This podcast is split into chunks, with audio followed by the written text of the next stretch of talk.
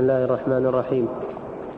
الحمد لله رب العالمين وصلى الله وسلم على عبده ورسوله نبينا محمد وعلى آله وأصحابه أجمعين. قال المؤلف رحمه الله تعالى فإذا ادعى المدعي أن محمدا صلى الله عليه وسلم إنما علم هذه الأمور الظاهرة دون حقائق الإيمان وأنه لا يأخذ هذه الحقائق عن الكتاب والسنة فقد ادعى أن بعض الذي آمن به مما جاء به الرسول صلى الله عليه وسلم دون البعض الآخر. بسم الله الرحمن الرحيم. الحمد لله والصلاة والسلام على رسول الله. هذا في الرد على غلاة الصوفية. التصوف كما هو معلوم نشأ في بداية أمره يراد به الاجتهاد في العبادة والتقشف وإظهار الزهد وهذا في حد ذاته ليس بمحمود لأنه من التشدد في دين الله ومن المشقة على النفوس. ولما أراد نفر من أصحاب رسول الله صلى الله عليه وسلم يشددوا على أنفسهم في الصلاة والصيام والتبتل رد عليهم صلى الله عليه وسلم وغضب غضبا شديدا.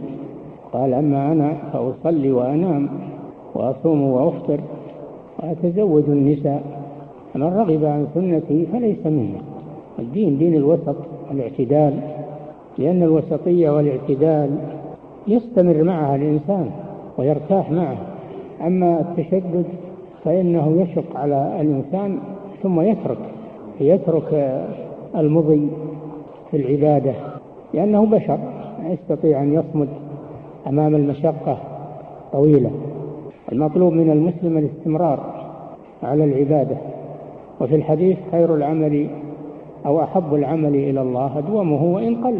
أحب العمل إلى الله أدومه وإن قل. والرسول صلى الله عليه وسلم وصف المتشدد الغالي في العبادة بالمنبت الذي انقطع في أثناء السفر حمل على راحلته شدد عليها في السير حتى انقطعت فبقي في منتصف الطريق أو في أول الطريق فهو لا ظهرا أبقى ولا مسافة قطع. قال صلى الله عليه وسلم كالمنبت لا ظهرا أبقى ولا أرضا قطع. هذه صفة المتشدد في الدين. هذا من ناحية هذا محذور عظيم والمحذور الثاني أشد وهو أنه إذا فتح لنفسه هذا الباب وعمل عملا ليس عليه هدي الرسول صلى الله عليه وسلم فإن هذا يجره إلى الإلحاد في دين الله كما حصل لمتأخر الصوفية. فإن تصوفهم آل بهم إلى الإلحاد كما ستسمعون الآن من طريقتهم. آل بهم إلى الإلحاد. حتى قالوا إن الولي خير من النبي. الولي خير من النبي. وهل هناك أفضل من الرسل عليهم الصلاة والسلام والأنبياء هم يقولون لا إن الأولياء أفضل من يعنون بالأولياء الصوفية يعنون بهم الصوفية إنهم أفضل من الأنبياء لماذا؟ لأنهم يأخذون عن الله مباشرة وهل أحد يأخذ عن الله مباشرة من من البشر؟ لا أحد ما يأخذ إلا بالوحي المنزل أو الكلام المسموع من وراء حجاب كموسى عليه السلام أما أنه يأخذ عن الله مباشرة ويزعمون أنه يجالس الله. تعالى الله عن ذلك. ويقولون إن الأنبياء يأخذون من الأولياء. يأخذون من الأولياء. لأن الأولياء يأخذون عن الله مباشرة والأنبياء يأخذون عن الأولياء. انظر كيف بلغ بهم الخروج عن دين الله عز وجل. كله أصله من البدعة. البدعة تجر إلى شر لكن قد يكون هذا الشر قليلا وقد يكون كثيرا.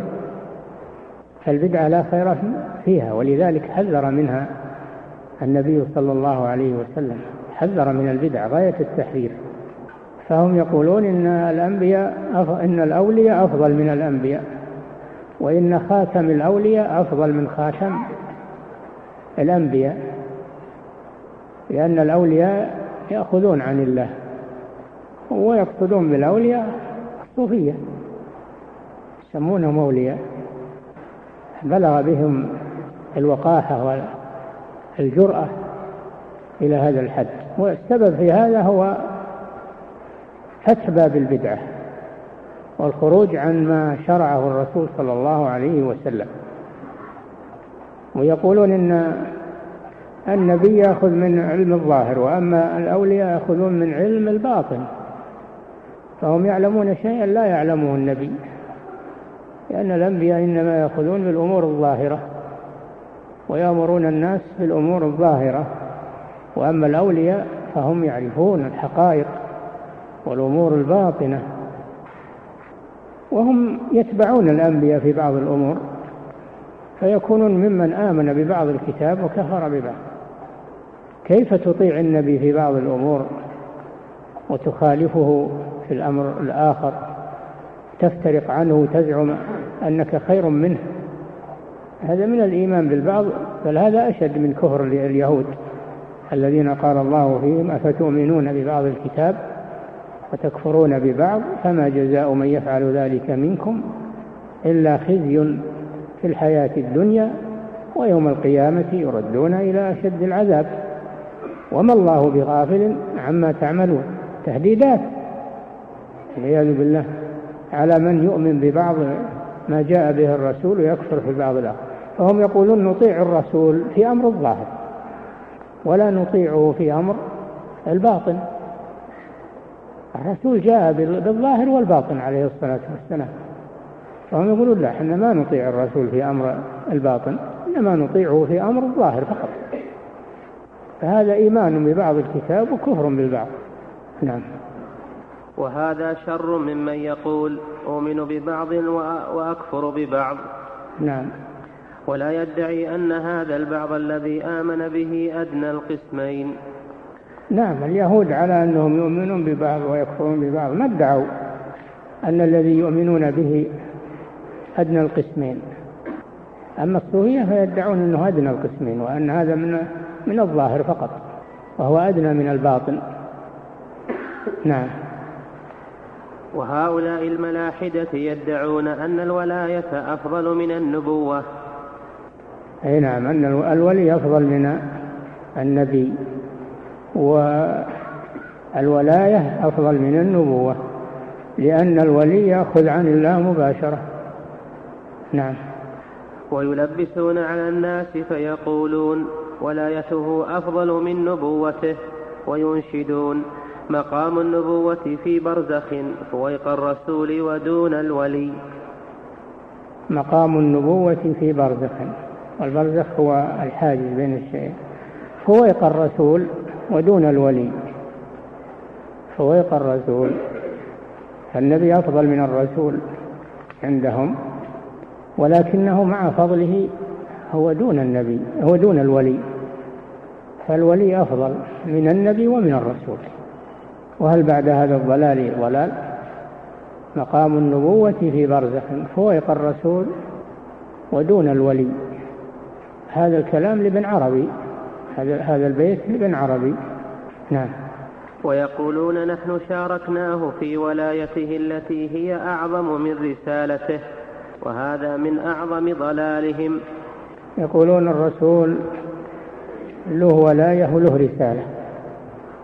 له ولاية وله رسالة والولاية أفضل من الرسالة. فنحن شاركناه في الولاية وإن اختص عنا بالرسالة فالولاية أفضل أفضل من الرسالة. نعم. وهذا من أعظم ضلالهم فإن ولاية محمد صلى الله عليه وسلم لم يماثله فيها أحد لا إبراهيم ولا موسى. فضلا عن أن يماثله هؤلاء الملحدون. نعم. نبينا محمد صلى الله عليه وسلم هو خاتم النبيين. وبعثه الله إلى الناس كافة وخصه بخصائص ليست لغيره فهو أفضل النبيين عليه الصلاة والسلام. من شك في هذا فهو كافر. من فضل أحدا على محمد صلى الله عليه وسلم فهو كافر. لو فضل نبيا من الأنبياء على محمد صار كافرا. فكيف بالذي يفضل الصوفي على على محمد صلى الله عليه وسلم؟ هذا أعظم الكفر وأعظم أعظم الضلال. أعظم الكفر وأعظم الضلال. نعم. وكل رسول نبي ولي فالرسول نبي ولي. كل وكل رسول نبي ولي. نعم. فالرسالة أعلى أعلى شيء. بعدها النبوة ثم بعدها الولاية. لأن الرسول هو من أوحي إليه بشرع وأمر بتبليغه. وأما النبي فهو من بعث بشريعة من قبله.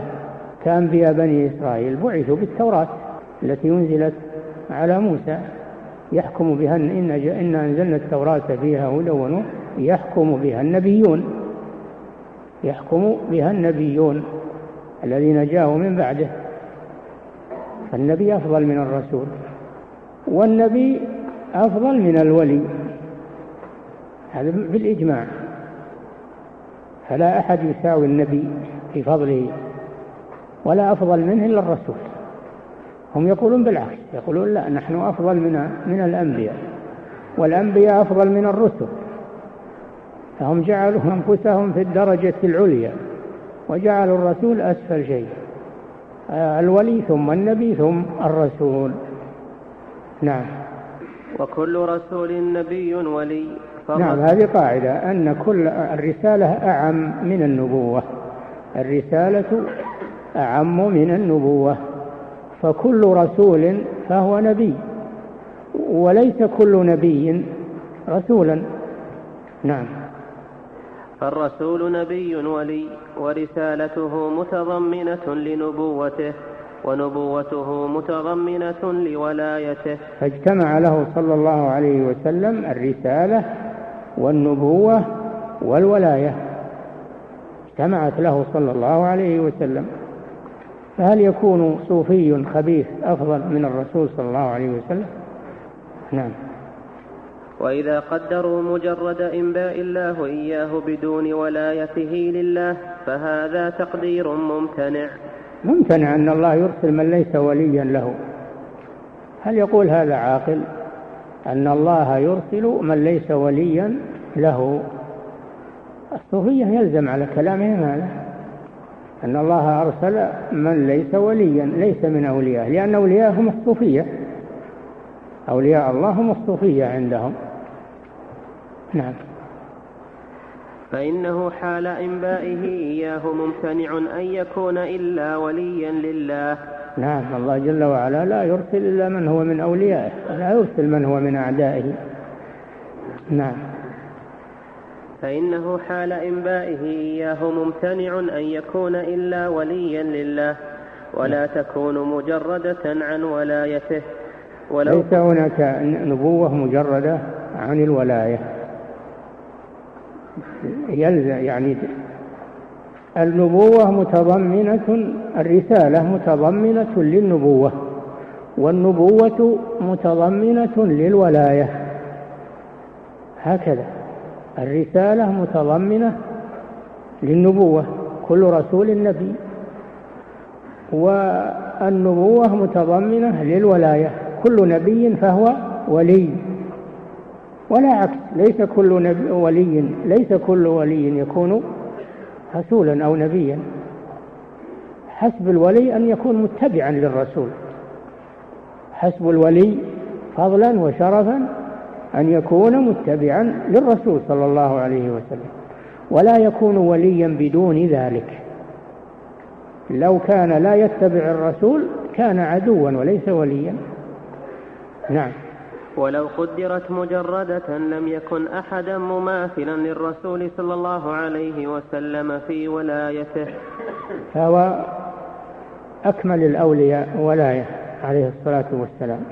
أكمل الأولياء ولاية لله سبحانه وتعالى. نعم فهو خيرته من خلقه وخاتم أنبيائه وأفضل رسله وله يظهر فضله يوم القيامة. الشفاعة العظمى والمقام المحمود حينما يتأخر أولو العزم عن الشفاعة ويقدم عليها هو صلى الله عليه وسلم. نعم. وهؤلاء قد يقولون كما يقول صاحب الفصوص ابن عربي. ابن عربي له كتب في, في الإلحاد منها كتاب الفصوص الحكم. فصوص الحكم ومع الأسف هو مطبوع ومحقق. وقد يباع في بعض مكتباتنا أو معارضنا مع أنه إلحاد وله كتاب الفتوحات المكية. الفتوحات المكية سماه فتوحات يعني أن الله فتح عليه بها وهو في مكة لأنه ألف هذا الكتاب في مكة فسماه الفتوحات المكية. هذا من كتب ابن عربي. نعم. وهؤلاء قد يقولون كما يقول صاحب الفصوص ابن عربي إنهم يأخذون من المعدن الذي يأخذ منه الملك الذي يوحى به إلى الرسول صلى الله عليه وسلم. الرسول يأخذ عن الملك. الرسول والنبي يأخذان عن الملك. وهم لا يحتاجون إلى الملك يأخذون من المعدن الأصلي يأخذون من المعدن الأصلي. فهم بهذا صاروا أفضل من الرسول ومن النبي. انظر كيف الشيطان يصل بهم هذا الحد ولهم كلام يأتي في العقل وفي وأنهم في النهاية أن هؤلاء الصوفية في النهاية اعتنقوا الفلسفة فلاسفة اليونان الملاحدة دخلت عليهم فلسفة اليونان الملحدة ومنهم من دخلت عليه البرهمية الهندية من من الصوفية. نعم. وذلك أنهم معتقدوا عقيدة المتفلسفة ثم أخرجوها في قالب المكاشفة. نعم. أخذوا الفلسفة ولا سموها فلسفة سموها مكاشفة أنها أسرار ظهرت لهم. وهم سارقينها من الفلاسفة السابقين ونسبوها لأنفسهم. وقالوا إنها مكاشفات تحصل لنا بسبب الولاية. واطلاع أن نطلع عليه لم يطلع عليه غيرنا. وهم سارقينها من الفلاسفة. نعم. وذلك أن المتفلسفة الذين قالوا إن الأفلاك قديمة أزلية لها علة تتشبه بها. الفلاسفة القدامى من اليونان لا يؤمنون بالله ولا أنه هو الخالق وإنما يقولون الأفلاك هي التي تحدث الأشياء والأفلاك قديمة. الأفلاك قديمة ليست محدثة كذا يقولون. نعم. وذلك أن المتفلسفة يقولون بقدم العالم هذا معنى القول بقدم العالم. نعم. وذلك أن المتفلسفة الذين قالوا إن الأفلاك قديمة أزلية لها علة تتشبه بها كما يقوله إرسطو وأتباعه. أرسطو من الفل... من قادة الفلاسفة اليونانية وهو ملحد نعم. أو لها موجب بذاته كما يقوله متأخروهم كابن سينا وأمثاله. ابن سينا الذي هو الرئيس اللي يسمونه الرئيس أبو علي بن سينا. وهو أصل من الإسماعيلية ودخل في الفلسفة وصار ملحدا. زاد إلحادا إلى إلحاد. وأبوه كان يهوديا. نعم. ولا يقولون إنها لرب خلق السماوات والأرض وما بينهما في ستة أيام. ولا الله جل وعلا أخبر أنه خلق السماوات والأرض في ستة أيام. بما فيها الأفلاك. ما فيها الأفلاك وهي مجاري الكواكب. أفلاك مجاري الكواكب الشمس والقمر والنجوم. فهي محدثة ومخلوقة. هذا نوع من التنجيم الذي ينسبون الحوادث إلى النجوم. هذا نوع من التنجيم. التنجيم أصله مأخوذ عن الفلاسفة. فالله أخبر أنه خلق السماوات والأرض بما فيها الأفلاك فدل على أن على أن السماوات والأرض محدثة وليست قديمة وأن الأفلاك محدثة وليست قديمة كما تقوله الفلاسفة.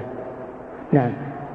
ولا يقولون إنها لرب خلق السماوات والأرض وما بينهما في ستة أيام ولا خلق الأشياء بمشيئته وقدرته. إنما توجد الأشياء ضرورة من الطبيعة من طبيعة الأفلاك وليس لها رب يحدثها ويوجدها ويفنيها. لا يؤمنون بالرب سبحانه وتعالى ولا يؤمنون بالرسل وإنما يعتمدون على فلسفاتهم وأفكارهم. نعم. ولا يعلم الجزئيات. وينفون عن الله علم الغيب أنه لا يعلم الجزئيات التي تحدث في هذا الكون من الحوادث والمخلوقات المتجددة. لا يؤمنون بهذا كله. هذا مذهب الفلاسفة وغرض الشيخ أن يبين من أين أخذ الصوفية هذا الإلحاد أنهم أخذوه عن هؤلاء الفلاسفة. نعم. ولا يعلم الجزئيات بل إما أن ينكرون علمه مطلقا كقول أرسطو أو إما, يقول إما أن إما أن ينكروا علمه مطلقا أي نعم. كقول أرسطو نعم. أو يقول إنما يعلم في الأمور المتغيرة كلياتها يعلم الكليات ولا يعلم الجزئيات. كله ضلال. الله يعلم كل شيء. سبحانه. ما كان وما يكون وما لم يكن لو كان كيف يكون؟ الله يعلم كل شيء. نعم. أو يقول إنما يعلم في الأمور المتغيرة كلياتها كما يقوله ابن سينا. نعم. وحقيقة هذا القول إنكار علمه بها. نعم. فإن كل موجود في الخارج فهو معين جزئي. الأفلاك كل معين. الكليات. الكليات إنما هي في الأذهان. الكليات لا وجود لها في الخارج إنما هي في الأذهان تخيلات أما الجزئيات فهي التي توجد في الخارج.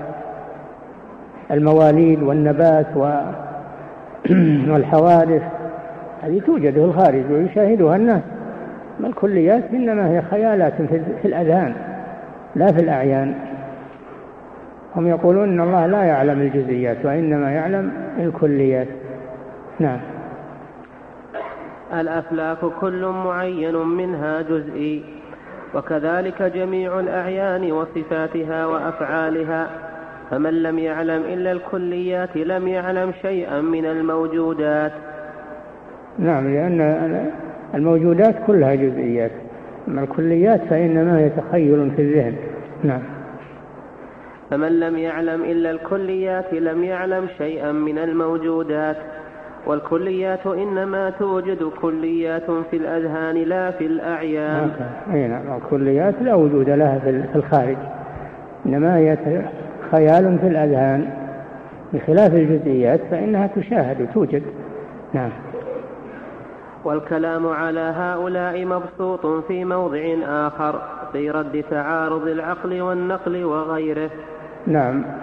الشيخ رحمه الله بسط الكلام في هذا في كتبه الأخرى التي نازل فيها الفلاسفة والملاحدة مثل كتاب درء تعارض العقل والنقل.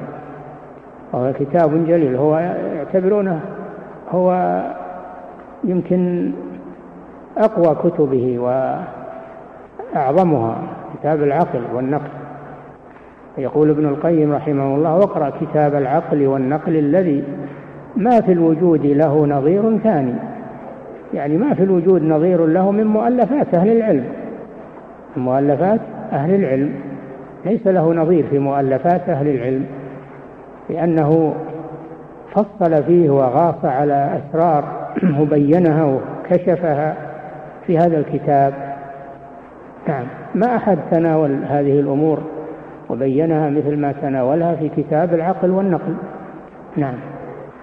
فإن كفر هؤلاء أعظم من كفر اليهود والنصارى. نعم اليهود والنصارى يؤمنون بأن الله خلق السماوات والأرض ويؤمنون بالرسل عموما إيمانا مجملا ويؤمنون باليوم الآخر. ما هؤلاء لا يؤمنون لا برسل ويؤمنون بالملائكة.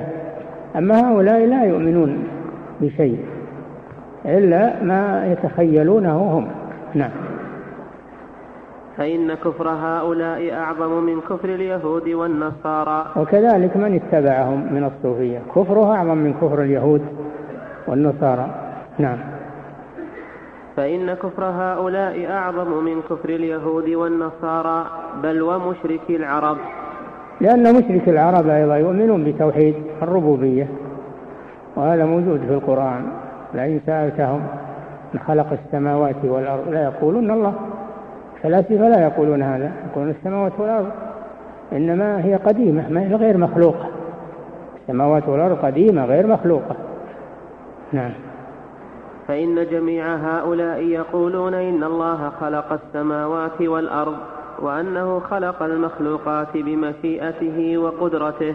نعم مشرك العرب يرون أن الله هو الخالق الرازق المحيي المميت المدبر. يؤمنون بتوحيد الربوبية وإنما خالفوا في توحيد الألوهية فعبدوا مع الله غيره. نعم. وأرسطو ونحوه من المتفلسفة اليونان. من المتفلسفة واليونان كانوا يعبدون الكواكب والأصنام. عندك واليونان؟ إي نعم. غير فلاسفة اليونان. نعم. وأرسطو ونحوه من المتفلسفة اليونان كانوا يعبدون الكواكب والأصنام. نعم. وهم لا يعرفون الملائكة والأنبياء. وليس في كتب أرسطو ذكر شيء من ذلك. وإنما غالب علوم القوم الأمور الطبيعية. وأما الأمور الإلهية فكل منهم فيها قليل الصواب كثير الخطأ. إنما يعرفون أمور الطبيعة ولا يعرفون الأمور الإلهيات ولا يؤمنون برب. نعم. واليهود والنصارى بعد النسخ والتبديل أعلم بالإلهيات منهم بكثير. ولكن اليهود والنصارى عندهم علم ولذلك سماهم الله أهل الكتاب. سماهم أهل الكتاب فعندهم علم وعندهم إيمان في الجملة. لكن هؤلاء لا علم ولا إيمان. نعم. واليهود والنصارى بعد النسخ والتبديل أعلم بالإلهيات منهم بكثير. أما قبل النسخ والتبديل فهم كانوا على الدين وعلى الإيمان. اليهود والنصارى قبل النسخ والتبديل كانوا على الإيمان. واتباع موسى وعيسى عليهما السلام. إنما كفروا بعد النسخ والتبديل.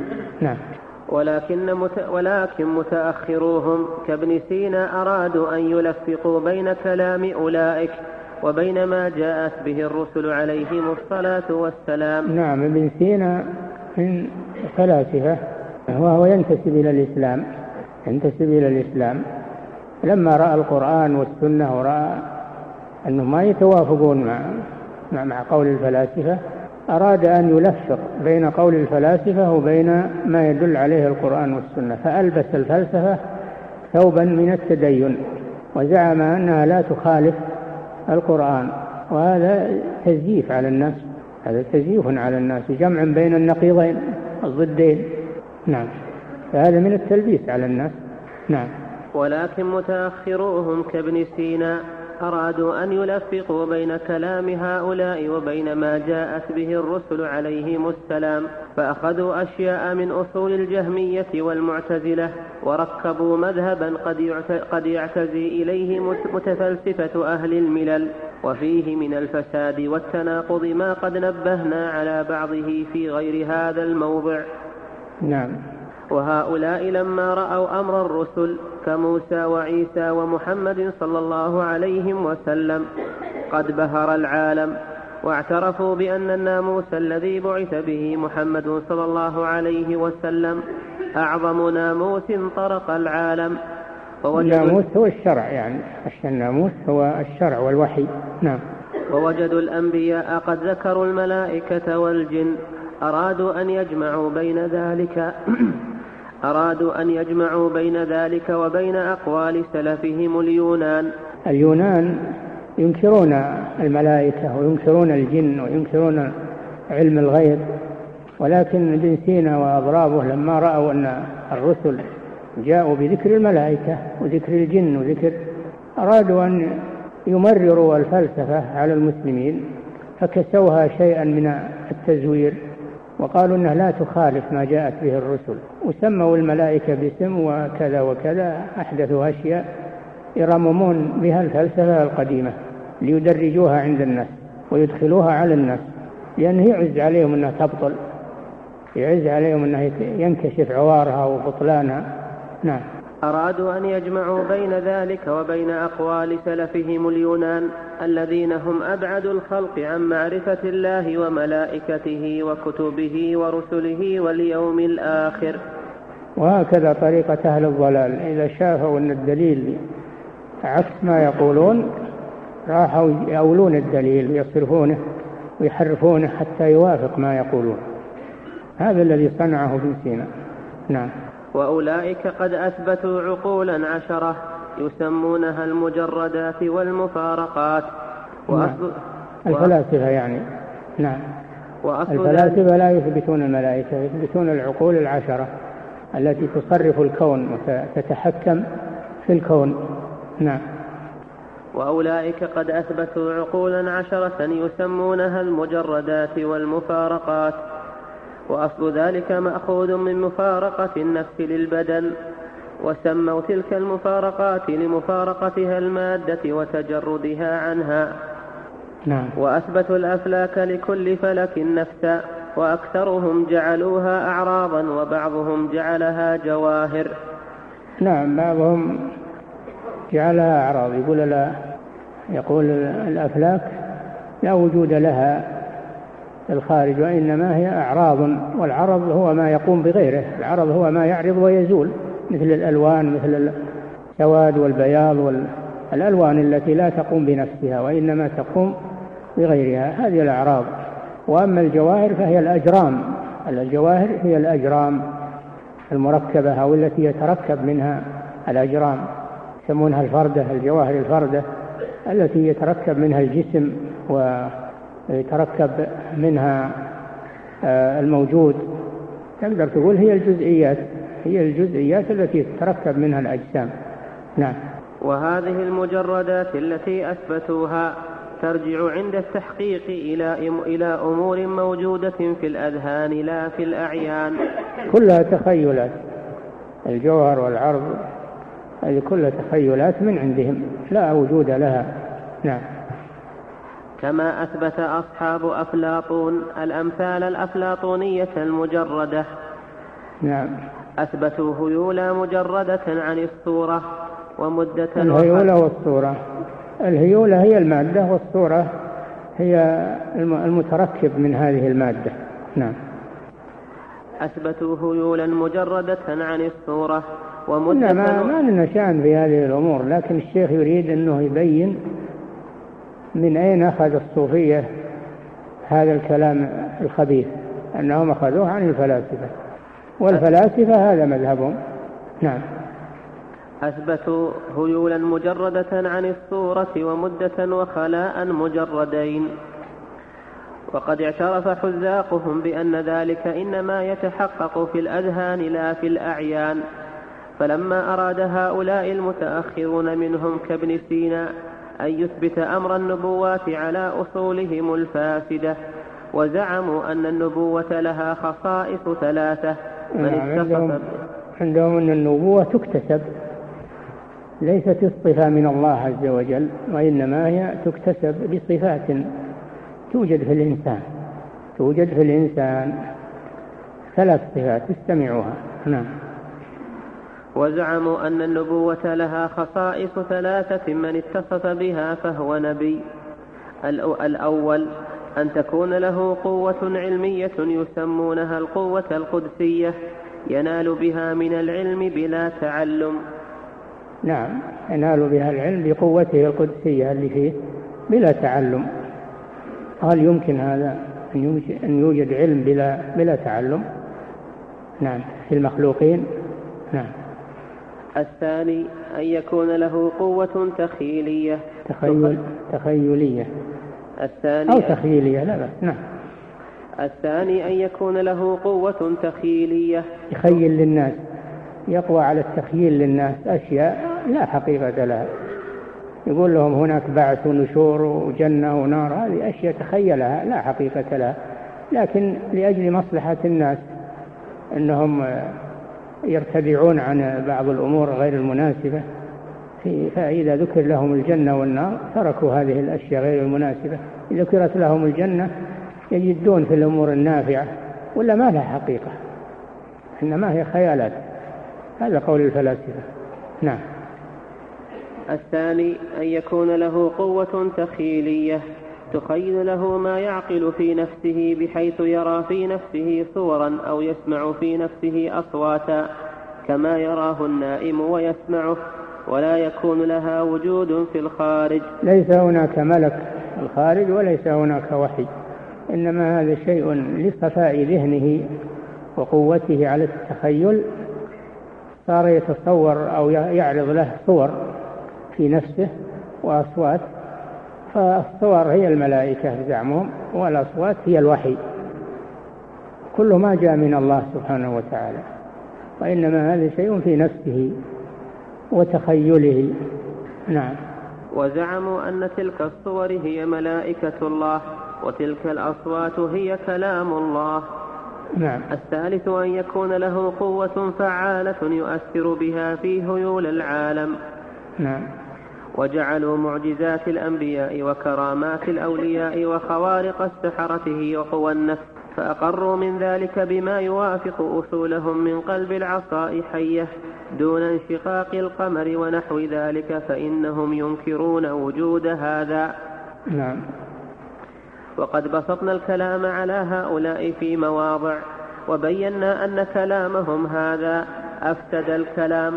وأن هذا الذي جعلوه من الخصائص يحصل ما هو أعظم منه لآحاد العامة وأتباع الأنبياء. نعم. وأن الملائكة التي أخبرت, أخبرت بها الرسل وأن الملائكة التي أخبرت بها الرسل أحياء ناطقون أعظم مخلوقات الله وهم كثيرون.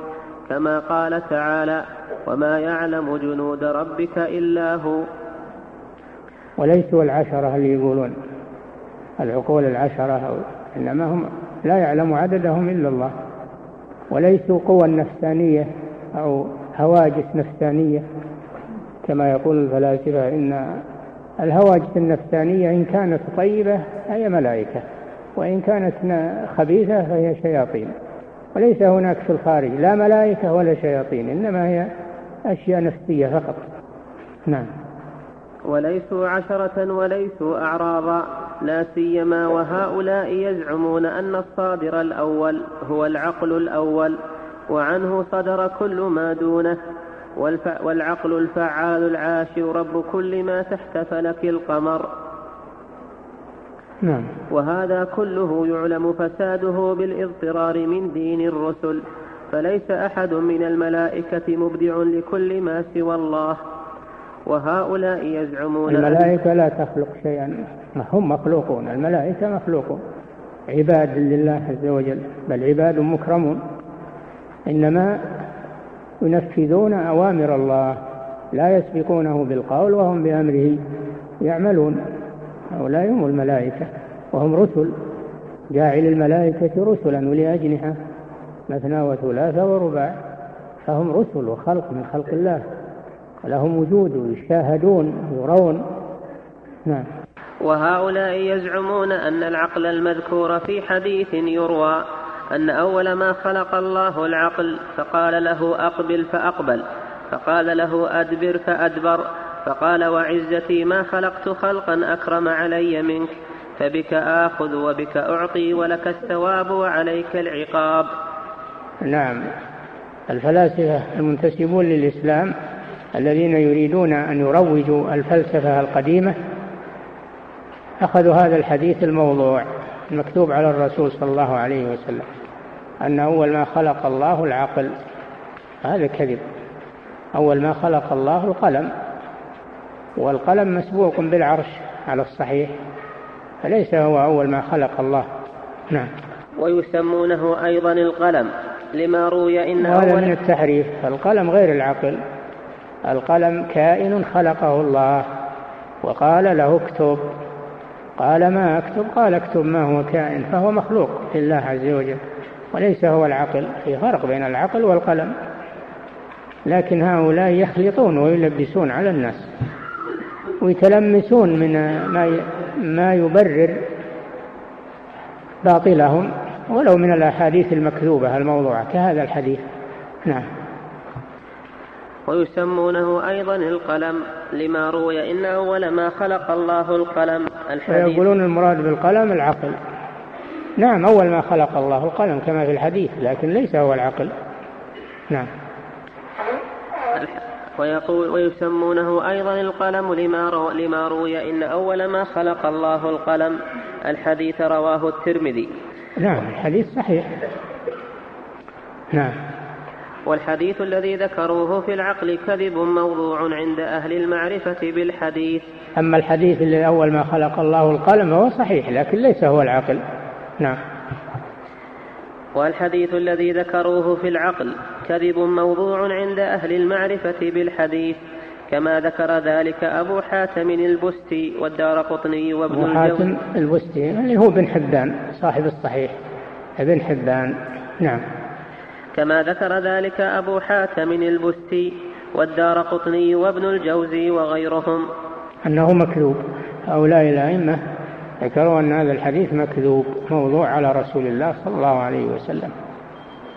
والحمد لله أن قيض للسنة آه، فرسانا يحرسونها من هؤلاء الوضاعين والكذابين.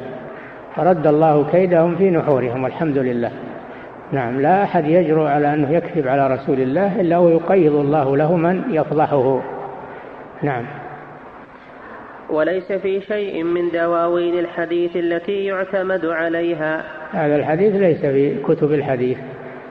فلو كان حديثا عن الرسول لما أهمله أئمة الحديث والرواة. نعم. ومع هذا فلفظه لو كان ثابتا حجة عليهم. فإن لفظه أول ما خلق الله تعالى العقل قال له ويروى لما خلق الله العقل قال له.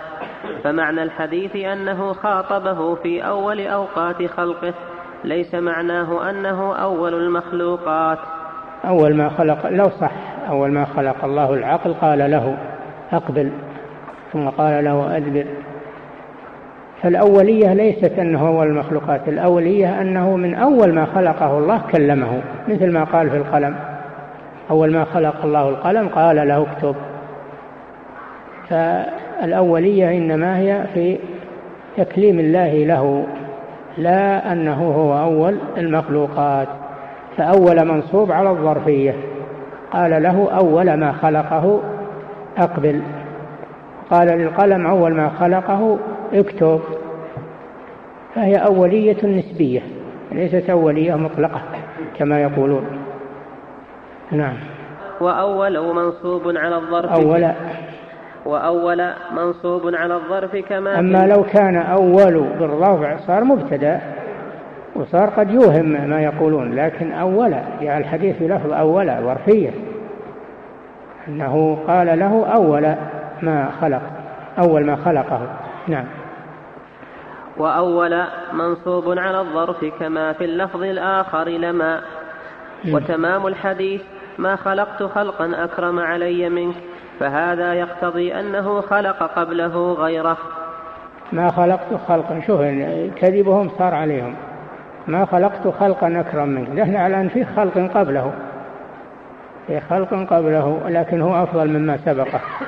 هذا على التنزل إن هذا حديث ولا هو باطل لكن هو يريد أن يرد عليهم من كذبهم. نعم. ثم قال فبك آخذ وبك أعطي ولك الثواب وعليك العقاب. فذكر أربعة أنواع من الأعراض وعندهم أن جميع جواهر العالم العلوي والسفلي صدر عن ذلك العقل. فأين هذا من هذا؟ نعم. وسبب غلطهم أن لفظ العقل في لغة المسلمين ليس هو لفظ العقل في لغة هؤلاء اليونان. نعم العقل موجود والعقل مخلوق. ما في شك أن هناك عقل وأنه مخلوق لكن ليس هو العقل الذي يريده الفلاسفة إنما هو العقل الذي خلقه الله وأودعه في الإنسان يميز به بين الضار والنافع والحق والباطل. ويتصرف به. العقل نعمة من الله عز وجل.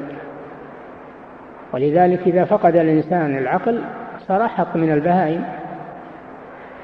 فالعقل نعمة وهو مخلوق لا شك وموجود.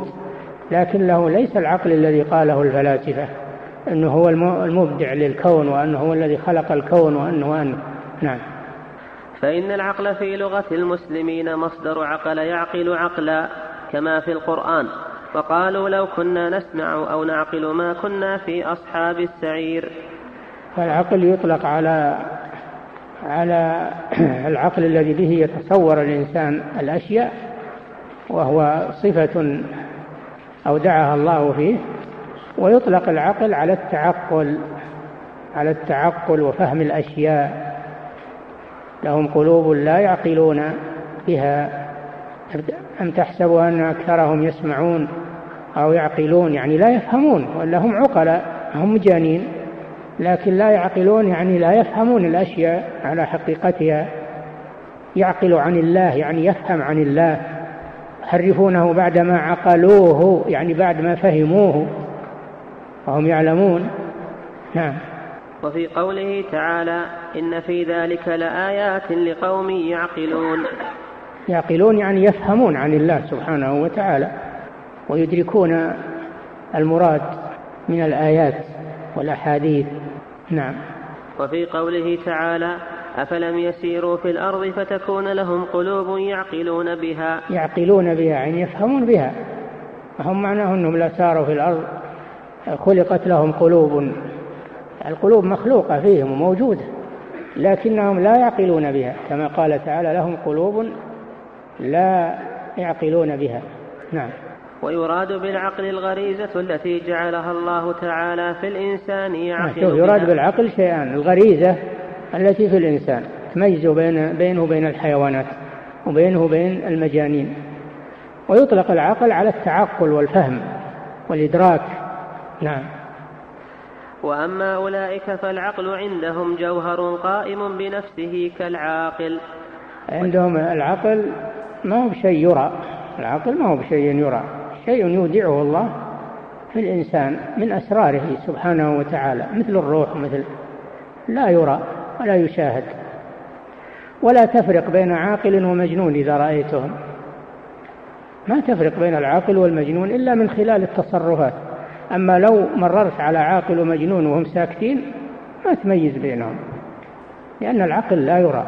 سر أودعه الله سبحانه وتعالى في في هذا الإنسان. أما الفلاسفة يقولون لا العقل أنه مخلوق شيء يعني شيء موجود في الخارج شيء موجود في الخارج له جسم ويدبر ويأمر وينهى.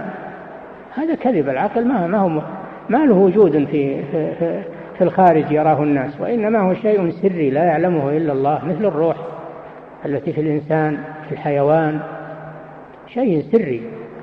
هم يقولون لا ما هو بشيء معنوي إنما هو شيء محسوس يخلق ويرزق ويدبر.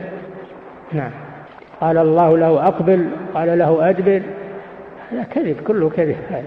نعم. وأما أولئك فالعقل عندهم جوهر قائم بنفسه كالعاقل. جوهر يعني جسم. نعم. وليس هذا مطابقا للغة الرسل والقرآن. أن العقل شيء قائم بنفسه وأنه جواهر جوهر وليس عرضا وإنما هو جوهر كما يقولون. هذا كذب. من اللي شاف العقل؟ هل أحد منكم شاف العقل؟ يمشي ولا ي... ما يشاف العقل. سر ما.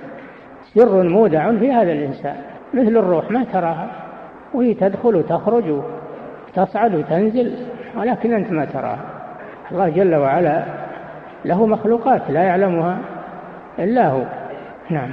وعالم الخلق عندهم كما يذكره أبو حامد عالم الأجسام العقل والنفوس. نعم أبو حامد الغزالي رحمه الله تأثر أيضا تأثر بالفلاسفة. صار عنده بعض الشطحات خصوصا في إحياء علوم الدين كتابه إحياء علوم الدين في شطحات جاءته من الفلاسفة. ولو سلم من الفلاسفة فهو عالم جليل لكنه ابتلي بالدخول في الفلسفة. نعم.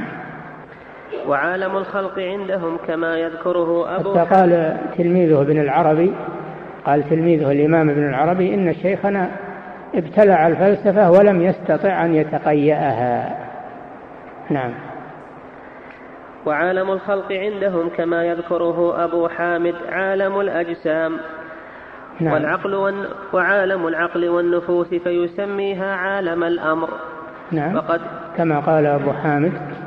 وعالم الخلق عندهم كما يذكره أبو حامد عالم الأجسام والعقل والنفوس فيسميها نعم. عالم الأمر. نعم يسمي النفوس والعقول أنه عالم يشاهد ويرى. عند الفلاسفة هو يحكي قول الفلاسفة. نعم. وعالم الخلق عندهم كما يذكره أبو حامد عالم عالم الأجسام. نعم. و وأما العقول والنفوس فيسميها عالم الأمر. نعم. وقد يسمي العقل عالم الجبروت والنفوس عالم الملكوت والأجسام عالم المل عالم الملك. أعد وعالم ها؟ نعم. وعالم. وعالم الخلق عندهم كما يذكره أبو حامد عالم الأجسام. نعم. وأما العقول والنفوس فيسميها عالم الأمر. أبو حاتم أبو أبو حامد يسميها أبو حامد نعم. وقد يسمي العقل عالم الجبروت والنفوس عالم الملكوت. وهذا كله خطأ هذا كله خطأ نعم. ويظن من لم يعرف لغة الرسل ولم يعرف معنى الكتاب والسنة. أن ما في الكتاب والسنة من ذكر. من ذكر الملك والملكوت والجبروت موافق لهذا. يعني قول الفلاسفة الذي ذكره أبو حامد الغزالي. نعم. ويظن من لم يعرف لغة الرسل ولم يعرف معنى الكتاب والسنة أن ما في الكتاب والسنة من ذكر الملك والملكوت والجبروت ذكر, ذكر الملك. أن ما في الكتاب والسنة من ذكر الملك والملكوت والجبروت موافق لهذا وليس الأمر كذلك. نعم. وهؤلاء يلبسون على المسلمين تلبيسا كثيرا كإطلاقهم أن الفلك محدث أي معلول مع أنه قديم عندهم. يقولون الفلك محدث وهم يقولون قديم فيتناقضون. نعم. والمحدث لا يكون إلا مسبوقا بالعدم. ليس في لغة العرب ولا في لغة أحد أنه يسمى القديم الأزلي محدثا. هم يريدون التلبيس يقولون محدث ثم يقولون قديم يتناقضون في هذا. إنما يقولون محدث من باب التلبيس على الناس. يقولون العالم محدث وأن المخلوقات كلها محدثة وليس فيها شيء قديم. نعم. والله قد أخبر أنه خالق كل شيء وكل مخلوق فهو محدث وكل نعم. محدث كائن بعد أن لم يكن. نعم. فليس هناك شيء قديم؟ بل كل شيء من الخلق فهو محدث وكائن بعد أن لم يكن. الله خالق كل شيء وكل شيء فهو مخلوق والمخلوق موجود بعد أن لم يكن. نعم. لكن ناظرهم أهل الكلام من الجهمية والمعتزلة مناظرة قاصرة. أراد الجهمية والمعتزلة أن يناظروا الفلاسفة لكنهم ليس عندهم علم يناظرون به لأنهم يعتمدون على علم المنطق والجدل فلم يحسنوا الرد عليهم لم يحسنوا الرد على الفلاسفة فانتصر الفلاسفة عليهم. لأنهم لم يتسلحوا بالكتاب والسنة وإنما تسلحوا بعلم المنطق والجدل فالفلاسفة أقوى منهم في هذه الأمور فردوا عليهم. نعم. وهكذا من يتعرض للرد على أهل الباطل وهو ليس عنده علم فإن أهل الباطل ينتصرون عليه لا يجوز الرد إلا بعلم. نعم. لكن ناظرهم أهل الكلام من الجهمية والمعتزلة. أهل الكلام يعني ما عندهم علم إلا الكلام هو علم المنطق. نعم. لكن ناظرهم أهل الكلام من الجهمية والمعتزلة مناظرة قاصرة لم يعرفوا بها ما أخبرت به الرسل. آه اعتمدوا على العقل وعلى المنطق والجدليات. نعم. لم يعرفوا بها ما أخبرت به الرسل. ولا أحكموا فيها قضايا العقول. نعم. فلا للإسلام نصروا ولا للأعداء كسروا هؤلاء الجامية والمعتزلة لا للإسلام نصروا ولا للباطل كسروا لأنهم ليس عندهم علم ولم يردوا بعلم منزل من الله سبحانه وتعالى. نعم. فلا للإسلام نصروا ولا للأعداء كسروا وشاركوا أولئك في بعض قضاياهم الفاسدة. أي نعم شارك الجهمية والمعتزلة الفلاسفة في بعض قضاياهم الفاسدة. نعم. ونازعوهم في بعض المعقولات الصحيحة. نعم في معقولات صحيحة هم نازعوا فيها والمعقولات الباطلة أقروها لجهلهم لجهلهم وعدم علمهم وهذا وهكذا كل من لم يتسلح بالكتاب والسنة عن فهم وإدراك فإنه يصير إلى هذا المصير الذي صار إليه الجهمية والمعتزلة مع الفلاسفة. نعم. فصار قصور هؤلاء في العلوم السمعية والعقلية من أسباب قوة ضلال أولئك. فصار فصار قصور هؤلاء في العلوم السمعية والعقلية من أسباب قوة ضلال أولئك. ليس عندهم دليل من الكتاب والسنة وعلم الرسول وليس عندهم عقول معقولات سليمة. ليس عندهم معقولات سليمة فلذلك انهزموا أمام العدو لأنه ليس معهم سلاح يقاومون به. نعم. فصار قصور هؤلاء في العلوم السمعية والعقلية من أسباب قوة ضلال أولئك. العلوم السمعية اللي هي الكتاب والسنة. نعم. كما قد بسط في غير هذا الموضع. رحمه الله. نعم. يحيلكم على أشياء كتبها في غير هذا الموضع. من مؤلفاته مثل العقل والنقل ومثل الرد على على المنطق نقض المنطق. له كتاب اسمه نقض المنطق. نعم.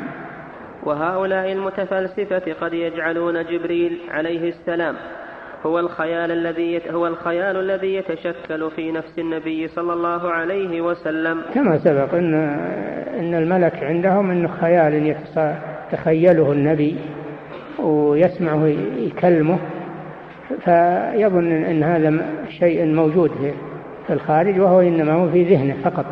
نعم عندهم إن الملائكة هي هي الهواجس التي تأتي في خاطر الإنسان. نعم.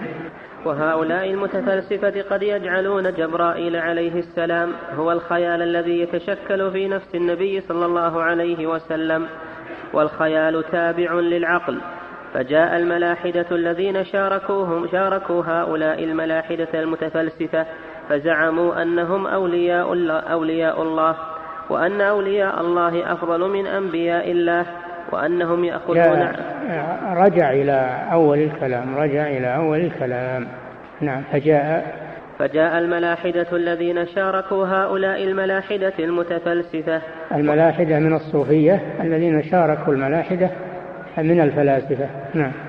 وزعموا أنهم أولياء الله. أولياء؟ وزعموا أنهم أولياء الله وأن أولياء الله أفضل من من أنبياء الله. كما سبق. نعم. وأنهم يأخذون عن الله بلا واسطة كابن عربي صاحب الفتوحات والفصوص. نعم. فقال إنه يأخذ من المعدن الذي أخذ منه الملك الذي يوحى به الذي يوحي به إلى الرسول وأن المعدن عنده هو العقل والملك هو الخيال والخيال تابع للعقل. وهو بزعمه يأخذ عن الذي هو أصل الخيال والرسول يأخذ عن الخيال. فلهذا صار عند نفسه فوق النبي. نعم. ولو كان خاصة النبي ما ذكروه لم يكن هو من جنسه فضلا عن أن يكون فوقه. ولو كان فلو كان خاصة النبي ما ذكروه لم يكن هو من جنسه فضلا عن أن يكون فوقه. فكيف نعم. وما ذكروا يحصل لآحاد المؤمنين؟ والنبوة أمر وراء ذلك. فإن ابن العربي وأمثال فإن ابن عربي وأمثاله فرق, فرق بين ابن العربي باللام بالألف واللام وابن عربي بدون. ابن عربي هذا هو الملحد الطائي الصوفي الخبيث. وأما ابن العربي فهذا إمام من المالكية. له تفسير وله آه، له شرح ترمذي تحفة الأحوذي وله مؤلفات قيمة ومفيدة وهو مالكي المذهب. نعم. فإن ابن عربي وأمثاله وإن ادعوا أنهم من الصوفية فهم من صوفية الملاحدة الفلاسفة ليسوا من صوفية أهل العلم فضلا عن أن يكونوا من مشايخ أهل الكتاب والسنة. نعم لأن الصوفية كما سبق على قسمين الصوفية بمعنى الزهاد والعباد ولكنهم لم يخرجوا عن الكتاب والسنة مثل الفضيل بن عياض والجنيد وبشر الحافي وإبراهيم بن أدهم وهؤلاء الصوفية معتدلة في وهم يصدرون عن الوحي. يصدرون عن الوحي. غاية ما عندهم الزهد والعبادة الكثيرة. أما الصوفية المتأخرة فهم ملاحدة. نعم. ففرق بين هذا وبعض الناس يلبس يقول الصوفية الصوفية حق ويجيب الأوائل ويقول الصوفية حق. يلبس على الناس في المتصوفة الأوائل ويريد أن المتأخرين أنهم مثل الأوائل. هذا غلط. نعم. فإن ابن عربي وأمثاله وإن ادعوا أنهم من الصوفية فهم من صوفية الملاحدة الفلاسفة. لا من الصوفية المعتدلة. وهذا يلبس به بعض الكتاب المعاصرين. يقول إن الصوفية على حق وأنهم على وأنهم عباد وأنهم نقول نعم هذا أوائلهم لكن أواخرهم لا. نعم. فهم من صوفية الملاحدة الفلاسفة ليسوا من صوفية أهل العلم. نعم. فضلا عن أن يكونوا من مشايخ أهل الكتاب والسنة. نعم. كالفضيل بن عياض وإبراهيم بن أدهم وأبي سليمان الداراني ومعروف الكرخي. هؤلاء علماء هم صوفية لكنهم علماء بالكتاب والسنة. ويتبعون الكتاب والسنة. نعم. والجنيد بن محمد وسهل بن عبد الله التستري وأمثالهم رضوان الله عليهم أجمعين. نعم. يكفي. والله أعلم. صلى الله وسلم على نبينا محمد. الحاصل أنه ما يلبس بالصوفية الطيبين على الصوفية الملاحدة ويقال التصوف فيه خير. انظروا إلى الجنيد وانظروا إلى الفضيل بن عياض وإبراهيم بن أدم. قل هذا ما هو موجود الآن. ما هو موجود عند متصوفة العصر. اللي يقول أنا أجلس مع الله وآخذ عنه يأمرني وينهاني وأجيب لكم العلم من عند الله. هذا مثل الجنيد ومثل الفضيل بن عياض. نعم. أحسن الله إليكم صاحب الفضيلة. هذه أسئلة كثيرة. أعرض على فضيلتكم ما تيسر منها. فهذا السائل يقول ما صحة قولي إن جنس البدعة أعظم من جنس المعصية وقد يكون نوع من المعصية أعظم من نوع من البدعة. هذا كلام محدث من عند القائل إلا البدعة شر. شر الأمور محدثاتها كما قال الرسول صلى الله عليه وسلم والمعصية التي ليست ببدعة أخف من البدعة. ولهذا يقولون البدعة أحب إلى الشيطان يقولون البدعة أحب إلى الشيطان من المعصية لأن العاصي يتوب ويعرف أنه مخطي بخلاف المبتدع فهو يرى أنه على حق ولا يتوب. فالمعصية فالبدعة أحب إلى الشيطان من المعصية من هذا الوجه. نعم. أحسن الله إليكم صاحب الفضيلة وهذا السائل يقول هل ابن عربي هو صاحب كتاب التفسير؟ لا ابن عربي صاحب صاحب التفسير ابن العربي ابن العربي. نعم. بالألف واللام. نعم. أحسن الله إليكم صاحب الفضيلة وهذا سائل يقول ما مدى صحة هذا القول؟ أنا لا أعبد الله رجاء رجاء ثوابه ولا مخافة عقابه بل لأنه هو المستحق للعبادة. لا ما يقول لأنه هو المستحق للعبادة هذه من عندك. يقول لأن لأني أحبه لأني أحب الله أعبده لأني أحبه. لا أعبده خوفا من عقابه ولا رجاء لثوابه لأن هذه عبادة التجار. أنا أحب أعبده لأنني أحبه فقط. هذه طريقة الصوفية. نعم. أحسن الله إليكم صاحب الفضيلة. وهذا السائل يقول هل ابن سينا والرازي ملاحدة علما بأننا قرأنا في مناهجنا المدرسية أنهم علماء طبيعيين مسلمين؟ هل إيش؟ هل ابن سينا والرازي ملاحدة؟ لا الرازي ما هو مثل ابن سينا. الرازي أشعري نعم صحيح أنه أشعري ولكنه عالم وعنده استقامة وعنده اعتدال. ويقال أنه تاب في آخر حياته. خلاف ابن عربي فهو ملحد لا يقاس هذا بهذا. أيضا ابن الرازي ليس صوفيا الرازي ليس من الصوفية إنما هو من علماء الكلام من علماء الكلام وعلماء المنطق. هو أشعري المذهب؟ نعم. أحسن الله إليكم صاحب الفضيلة وهذا السائل يقول ما حكم تعلم المنطق والفلسفة سواء كان للطلاب المبتدئين أو المتوسطين؟ لا يجوز تعلم المنطق والفلسفة لأنها تجر الإنسان كما جرت من قبله. يكفينا علم الكتاب والسنة والفقه في دين الله. هذا يكفينا. نعم. أحسن الله إليكم صاحب الفضيلة. وهذا السائل يقول هل هناك محكمات ومقاييس يعرض المرء نفسه عليها ليتبين له هل هو ولي لله أم لا؟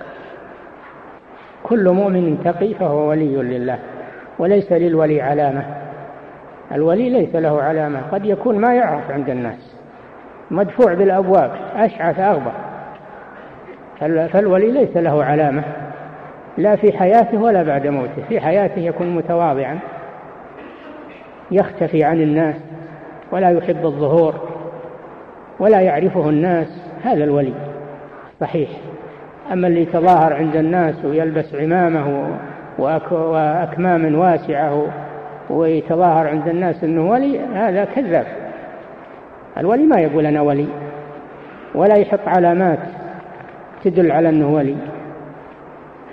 وأما في, بعد الموت فالولي عندهم هو الذي عليه بنية. يبنى عليه هذا الولي. اللي ما عليه بنية هذا ليس وليا عند عند أهل الضلال. نعم. ففي فرق بين ولي الله وعدو الله. نعم. أحسن الله إليكم صاحب الفضيلة وهذا السائل يقول هل للمبتدئين النظر في كتاب درء تعارض العقل والنقل؟ ما يقدرون. لو لو أراد يقرون وينظرون فيه ما ما فهموا لأنه صعب. يحتاج إلى إلى تمرس وإلى تمرن على كلام شيخ الإسلام وقراءة طويلة حتى يعرف يعني أسلوب شيخ الإسلام ومناظراته. نعم. أحسن الله إليكم صاحب الفضيلة وهذا السائل يقول هل هناك كتاب لشيخ الإسلام ابن تيمية اسمه الفرقان بين الحق والباطل؟ أظن فيه نعم. الفارق مو الفرقان الفارق بين الحق والباطل. نعم. أو الفارق بين المخلوق والخالق كذا. نعم. أحسن الله إليكم صاحب الفضيلة وهذا السائل يقول ما رأيكم في كتاب تهافت الفلاسفة لأبي حامد الغزالي؟ وهل تنصحوننا طلاب العلم المبتدئين بقراءته؟ لا لا ما ننصحكم لكن الكتاب يبين خطأ الفلاسفة وقد يخطئ هو أيضا لأنه دخل في الفلسفة لكنه مع أنه متفلسف رد عليهم رد عليهم في بعض الأمور وقد يخطئ في بعض الأمور. فلا ننصح بقراءته إلا للمتمكن الذي يريد الاطلاع. نعم. لا الذي يتعلم الذي يتعلم لا يدخل في هذه الأمور. نعم. أحسن الله إليكم صاحب الفضيلة. وهذا السائل يقول ينكر بعض علماء النفس دخول الجن المخلوق في الإنس. لأنه ما دخلوا فيهم لو دخلوا فيهم عرفوا. نعم. طيب. نعم. نعم. يقول ينكر بعض علماء النفس دخول الجن المخلوق من نار في الإنس المخلوق من ماء. فهل هؤلاء كما ذكر شيخ الإسلام ابن تيمية وكيف الله على كل شيء قدير. يدخل من خلق من النار في من خلق من الماء. هذه فلسفة هذه من الفلسفة القديمة.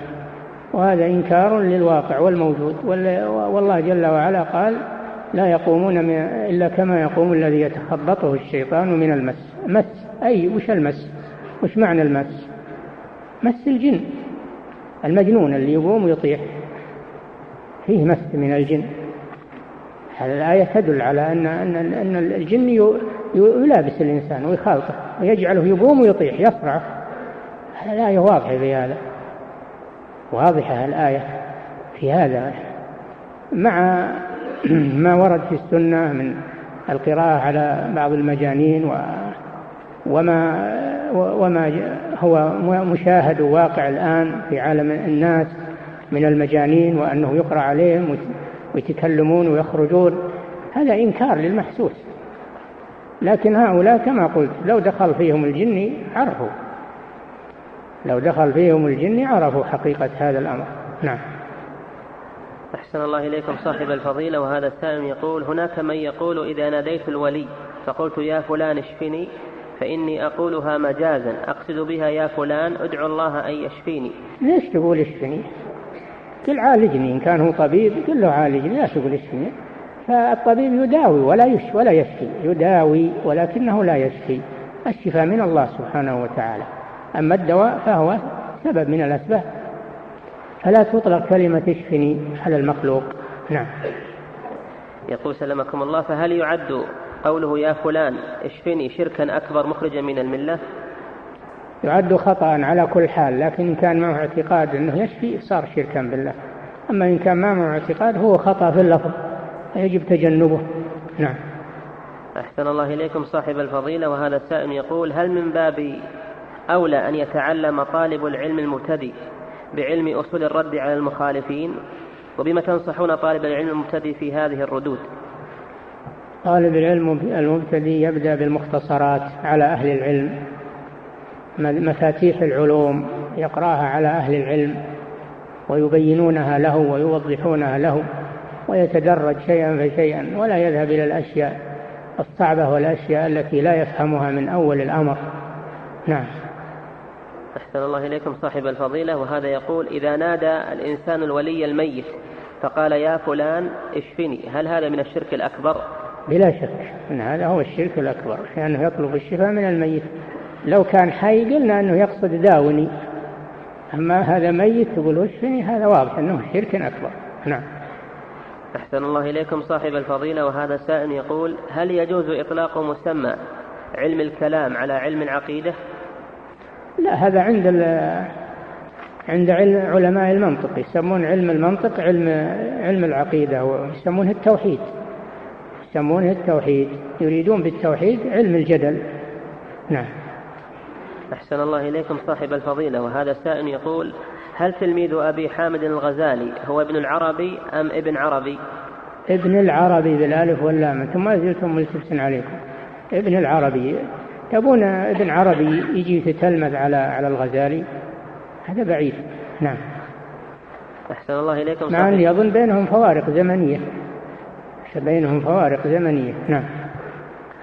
أحسن الله إليكم صاحب الفضيلة وهذا السائل يقول ما حكم قول إن السماوات وغيرها قديم؟ وكذلك قول إن الله قديم. لا يقال إن السماوات قديمة. السماوات محدثة. خلق الله خلق السماوات والأرض. المخلوق محدث ليست قديمة وإنما هي محدثة. والله لا يقال له قديم ليس من أسمائه القديم. من أسمائه الأول بدل القديم. نعم. أحسن الله إليكم صاحب الفضيلة وهذا سائل يقول هل يقال إن محل الفهم والتأمل في الإنسان هو الدماغ والمخ أم القلب؟